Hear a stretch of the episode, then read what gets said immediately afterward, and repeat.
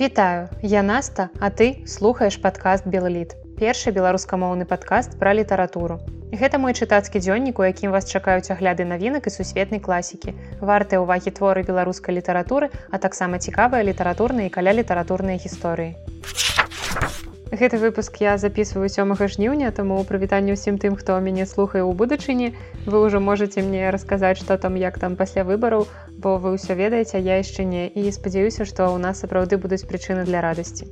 У нашай стабільнасці ёсць нешта няўмольнае першая кніга ў сённяшнім выпуску вельмі танюткая крохкая і прачытаць яе можна менш чым за гадзіну гэта сёмы паэтычны зборнік ольгі хапеевай словы якія са мной адбыліся кніга выйшла сёлета ў выдавестве галіяфа гаварыць шмат пра кнігу я не буду бо гэтая пачуццёвая паэзія ольгі раскрываю ў кожным сваё і асабіста для мяне ў гэтай кнізе шмат пра любоў да сябе пра прыняцце сябе пра тое як жыць згодна са сваімі жаданнямі а не з чужымі Усё ж галоўнае ў жыцці чалавека гэта яна сама.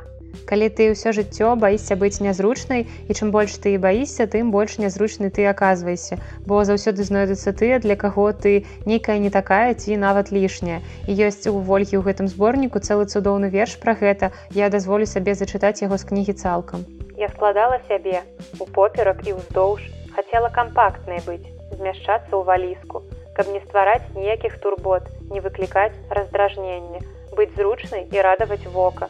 Але колькі я не складала сябе у поперак і ўздоўж, нешта заўсёды выпіналася. Левая нага, валосся ці думкі. Вы занадта нязручная. На мытні могуць узнікнуць пытанні. І я заставалася пасярод.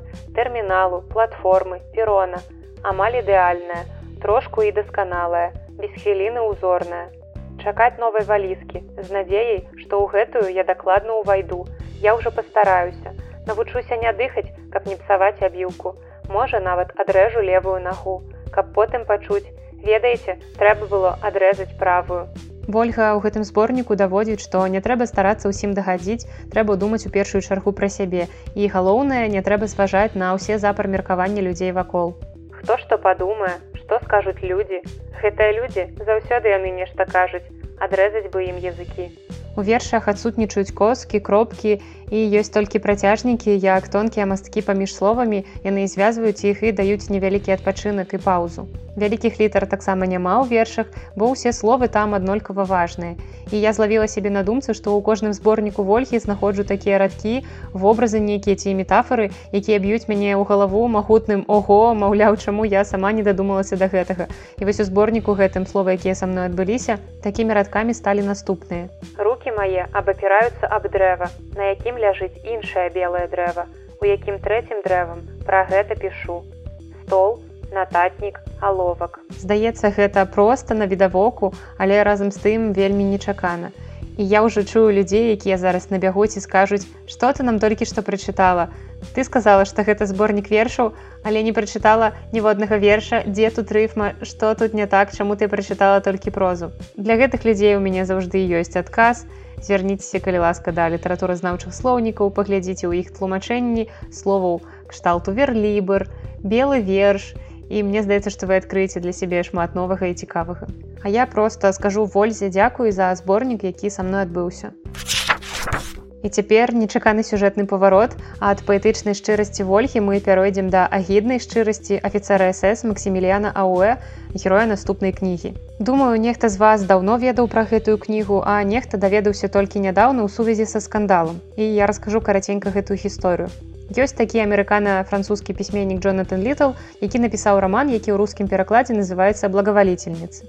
І вакол гэтага рускага выдання і адбыўся скандал. Справа ў тым, што пры першым перакладзе гэтага твора на рускую мову з яго проста зніклі некаторыя сказы, нават цэлыя абзацы і асобныя эпізоды. І выданнем кнігі займалася выдавецтва ад маргінам, якое я ўвогуле вельмі люблю. Яны заўжды выдаюць цудоўныя якасныя кнігі па мастацтве. Але аказалася, што кніга літала благаваліцельніцы выйшла па-руску са значнымі скарачэннямі. Сам аўтар пра гэта даведаўся толькі ў 2016 годзе, дзякуючы перакладчыку ягонай кнігі на латыскую мову Дэнсу Дзіменшу. Перакладчык гэты і валодае вялікай колькасцю моў таму ён калі працаваў над перакладам на латыскую мову ён звяртаўся да розных перакладаў тым ліку і да рускага. І тое што ён там убачыў было даволі дзіўным.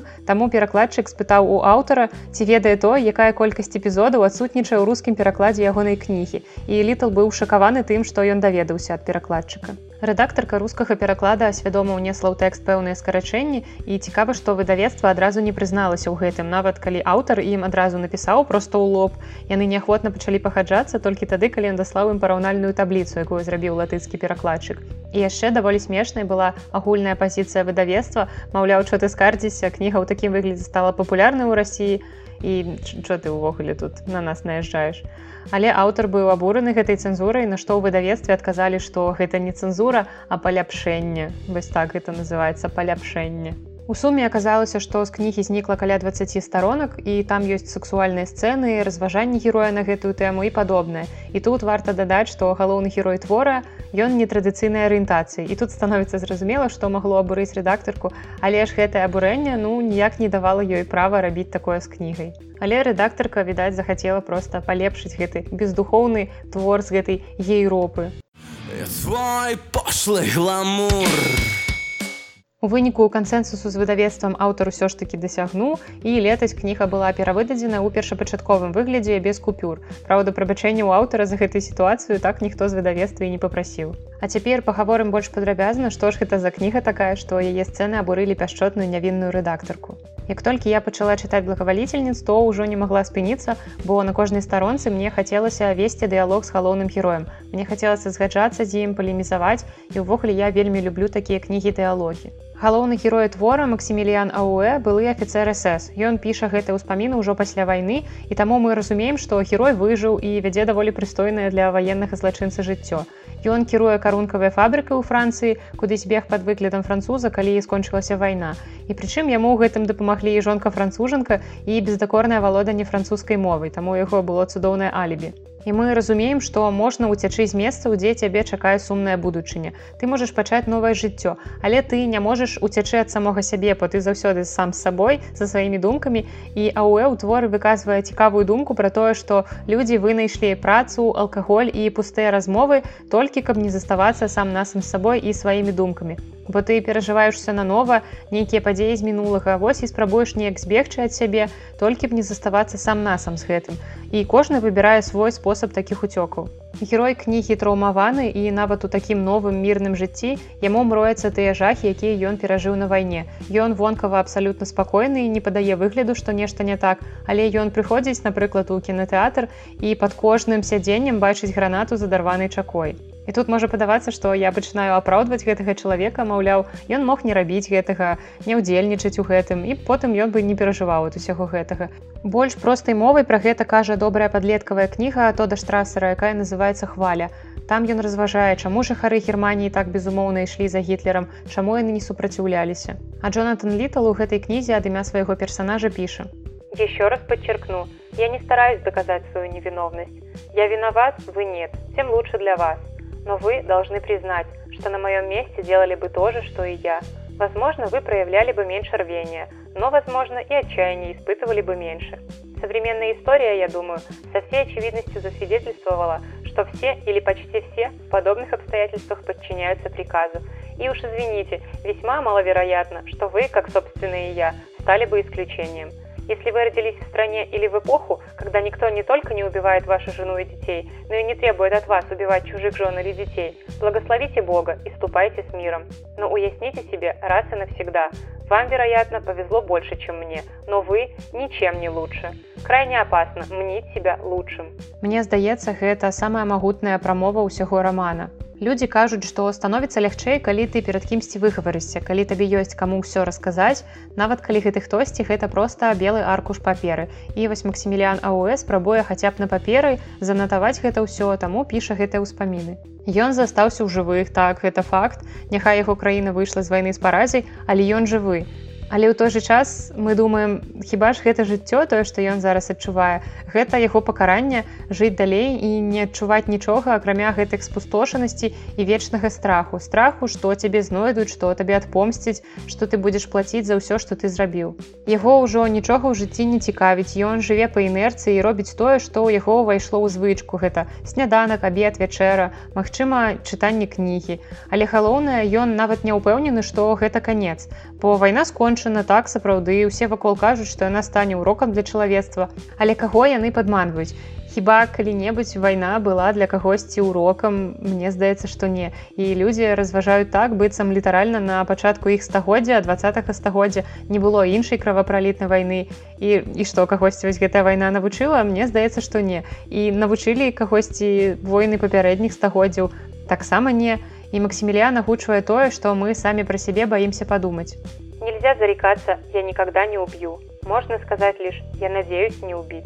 Гэтая кніга для сапраўдных уедлівых зануд, як я, калі вы можете некалькі старонак чытаць тое, як аўтар вельмі, вельмі, вельмі, вельмі падрабязна даследуе адну тэму, Ён бярэ пясчынку і праз лупу разглядае яе з усіх бакоў, адначасова апісваючы, напрыклад, разнавіднасці каўказскіх яўрэяў і іх асіміляцыю. Я чытала ўжо новае поўнае выданне і спецыяльна не глядзела, якія месцы з кнігі былі выкінутыя ў папярэднім, бо мне здаецца, што з такім падыходам яе ўвогуле можна было не друкаваць, Таму што тыя рэчы, якія, напэўна, напалохалі перакладчыка і рэдактара у кнізе паўсюль. Гэта бруд, гомасексуалізм, натуралізм, даволі непрывабныя сцэны. І яны тут на працягу ўсёй кнігі. І гэта вельмі брудная, вельмі жорсткая кніга, але я лічу, што менавіта такімі і павінны быць кнігі пра вайну. Гэта даследаванне чалавечай прыроды, якое сапраўды ўражвае і тут няма ніякага прыхарошвання, каб у людзей нават думкі не ўзнікла пра нейкі светлы гераічны вобраз вайны. Бо ў нашай краіне ёсць такі культ вайны, вайна апяваецца бясконца гэтай святы.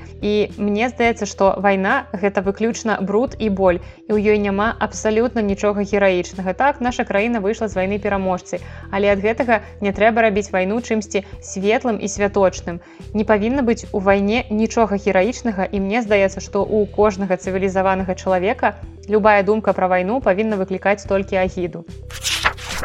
І нешта зноў ужо які выпуск гаворку пра кнігі я завяршаю на сумнай ноце. Таму вось вам для разагрэву літаратурны анекдот з цудоўнай кнігі Сергея шапрана беларускі гістарычны анекдот яшчэ за савецкім часам барадулін асцерагаючыся што праз тэлефон кадыбісты могуць праслухоўваць кватэру часта адключаў яго аднойчы василь быкаў які ніяк не мог дазваніцца барадуліну даў тэлеграму. Рыгор уключы телефон А ў канцы гэтага выпуску я адкажу на пытанне якое атрымала ад вас google форме спасылка на яе ў апісанні да выпуска.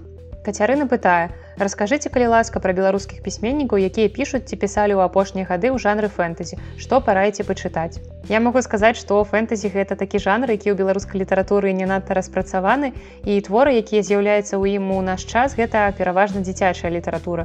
Зразумела, што дарослыя таксама гэты творы могуць чытаць, але гэта далёка не ўладар пярсцёнку, трэба разумець. Вядома ж, у нас ёсць ольга храмыка, творамі якой зачытваюцца нават у суседніх краінах, але ольга піша па-руску, а я так разумею, што кацярыну якая задала пытанне яе цікавіць менавіта беларускамоўная фэнтэзі. Дык вось беларускамоўная фэнтэзі для дарослых мне нешта ну я не магу прыдумаць нічога ў галаву не прыходзіць. Я магу расказаць толькі пра падлеткавае.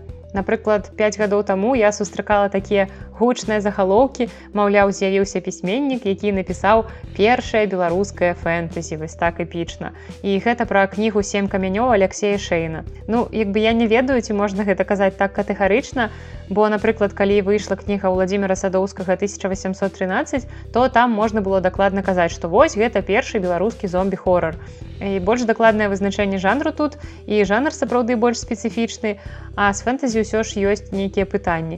І ўвогуле гэты жанр узнік нават некалькі стагоддзяў таму але найбольшы ўплыў зведаў сярэдзіне мінулага стагоддзя дзякуючы толкіну. Менавіта тады гэта усплёскі гонага развіцця.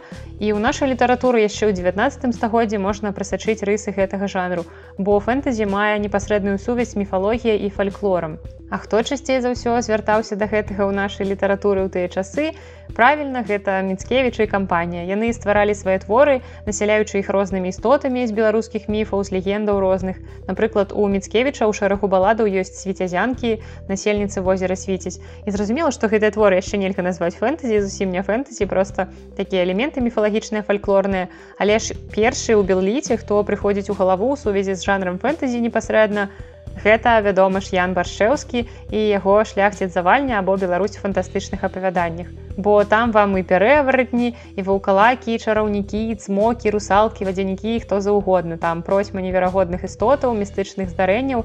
І я думаю, што калі пачнецца холодная восень, будзе дождж, цёмныя вечары, так я абавязкова перачытаю гэтую кнігу яшчэ раз, бо паршэўскі гэта сапраўды класна. І яго, мне здаецца, можна назваць заснавальнікам жанру фэнтэзі ў беларускай літаратуры. Дарэчы, неяк на прэзентацыі адной сваёй кнігі літаратар Серж Мінскевіч сказаў: Мы самыя першыя напісалі фэнтэзі, калі яшчэ і не прыдумалі гэтаму жанру назву. яшчэ не было толкіна, а ў нас уже быў Ян Баршчэўскі. Карацей вернемся да твора Алексея, бо сем камянёў я прачытала і магу сказаць, што гэта даволі дзіцячы твор. І што мяне ў асноўным адштурхоўвала ад кнігі, як у свой час адштурхнула ад легендарных хронік нарніі, гэта маштабны хрысціянскі падтэкст бо кнігі настолькі гэтым прасякнутыя што чалавеку далёкаму ад усяго такога ад рэлігіі чытаць не вельмі цікава. І калі ты малы то ты на, на такое ўвагу наўрад ці спецыяльна звернеш а вось дарослым гэта адразу кідаецца ў вочы. І ты ж хронікі нарні я таксама ўпершыню чытала ў сталым узросце таму зусім не захапілася гэтай кнігай. У той час як напрыклад уладар пярсцёнку у якім такога хрысціянскага падтэксту няма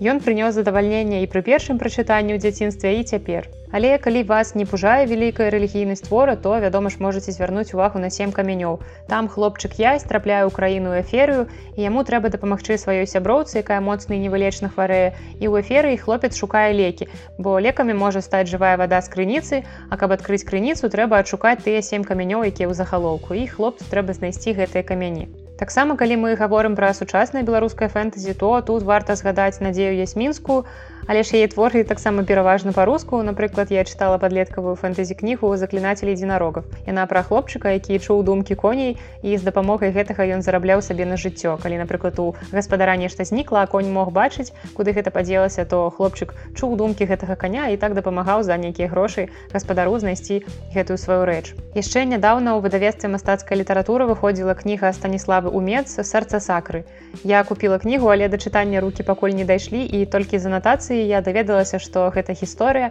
пра дзевяцікласніцу касю якая трапіла на чарадзейную планету талентаў сакру якраз у той час калі там выбіралі новую правительку панну сакры. І анатацыя ну мне падаецца даволі цікава для такога падлеткавага твора. І калі прачытаю то абавязкова раскажу ў адным з выпускаў. Дарэчы калі вы ведалі пра існаванне нацыянальнай літаратурнай прэміі там у паралельным свеце афіцыйнага саюза пісьменнікаў то менавіта гэтая кніга летась стала пераможцай у намінацыі найлепшы дэбют і дарэчы кнігу аўтарка напісала ў 17 гадоў, а выдала толькі праз 10 гадоў і некалькі разоў яе паспела перапісаць за гэты час.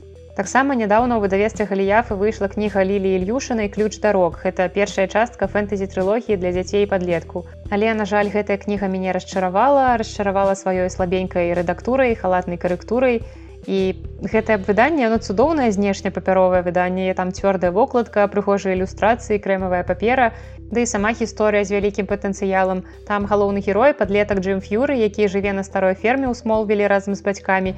Падзеі адбываюцца ў англіі і аўтарка паслядоўна стварае атмасферу мясцовасці. Там дзеці захапляюцца футболам гучаюць назвы апісанні мясцінаў.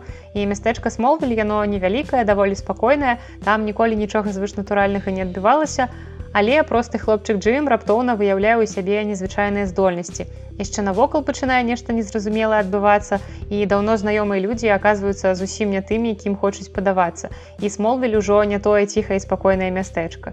Але, на жаль, калі я чытала гэтую кнігу, у мяне пастаянна ўзнікала адчуванне, што я чытаю нейкае школьнае сачыненне. І зразумела, што гэтая кніга для дзяцей падлеткаў яна не мусіць быць напісаная складанай мовай, але ў гэтым творы адчувалася не тое, што яна спрошчаная для дзіцячага разумення, а менавіта тое, што ў ёй слабая рэдактура.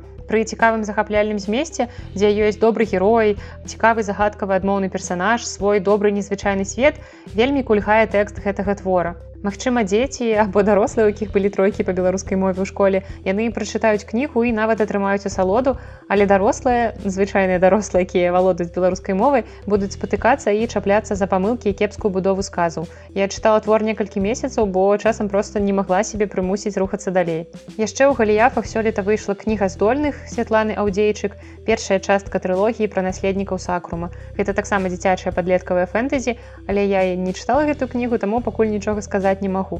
А летась я была рэдактарам кнігі цудоўнай маладой аўтаркі Аліны длатоўскай арнаменты. І для Аліны гэта ўжо другая кніга і яе дэбют ген зямлі я вам таксама вельмі раю. І яе творы таксама больш падлеткавыя, напрыклад, ген зямлі гэта супергеройская фэнтэзі з беларускім каларытам, у якім аўтарка разважае на тэму будучыні беларускай культуры і мовы. А арнаменты гэта гарадское фэнтэзі і большая частка падзей у гэтым творы адбываецца ў мінску. А героі апынаюцца ў добравядомых жыхарам сталіцы лакацыях гэтай камсамольскае возера, купалаўскі сквер, серабранка і іншае. І калі караценька, то вось такі спіс цікавых твораў сучаснага беларускага фэнтэзі атрымаўся ў мяне. І калі вы ведаеце добрыя творы ў гэтым жанры ў беларускай літаратуры, то ў каментарыях абавязкова пра іх напішы пішыце.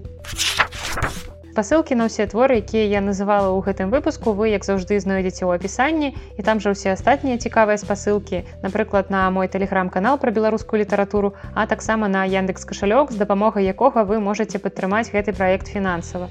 Дарэчы, я таксама думаю над тым, каб для гэтых мэтаў завесці яшчэ і патрыон, дзе для ўсіх патронаў будзе з'яўляцца яшчэ і дадатковы матэрыял за данаты, таму сачыце за навінамі, я абавязкова паведамлю, калі гэта зраблю. А на гэтым я развітваюся. З вами была Наста і падкаст Белліт. Да сустрэчы.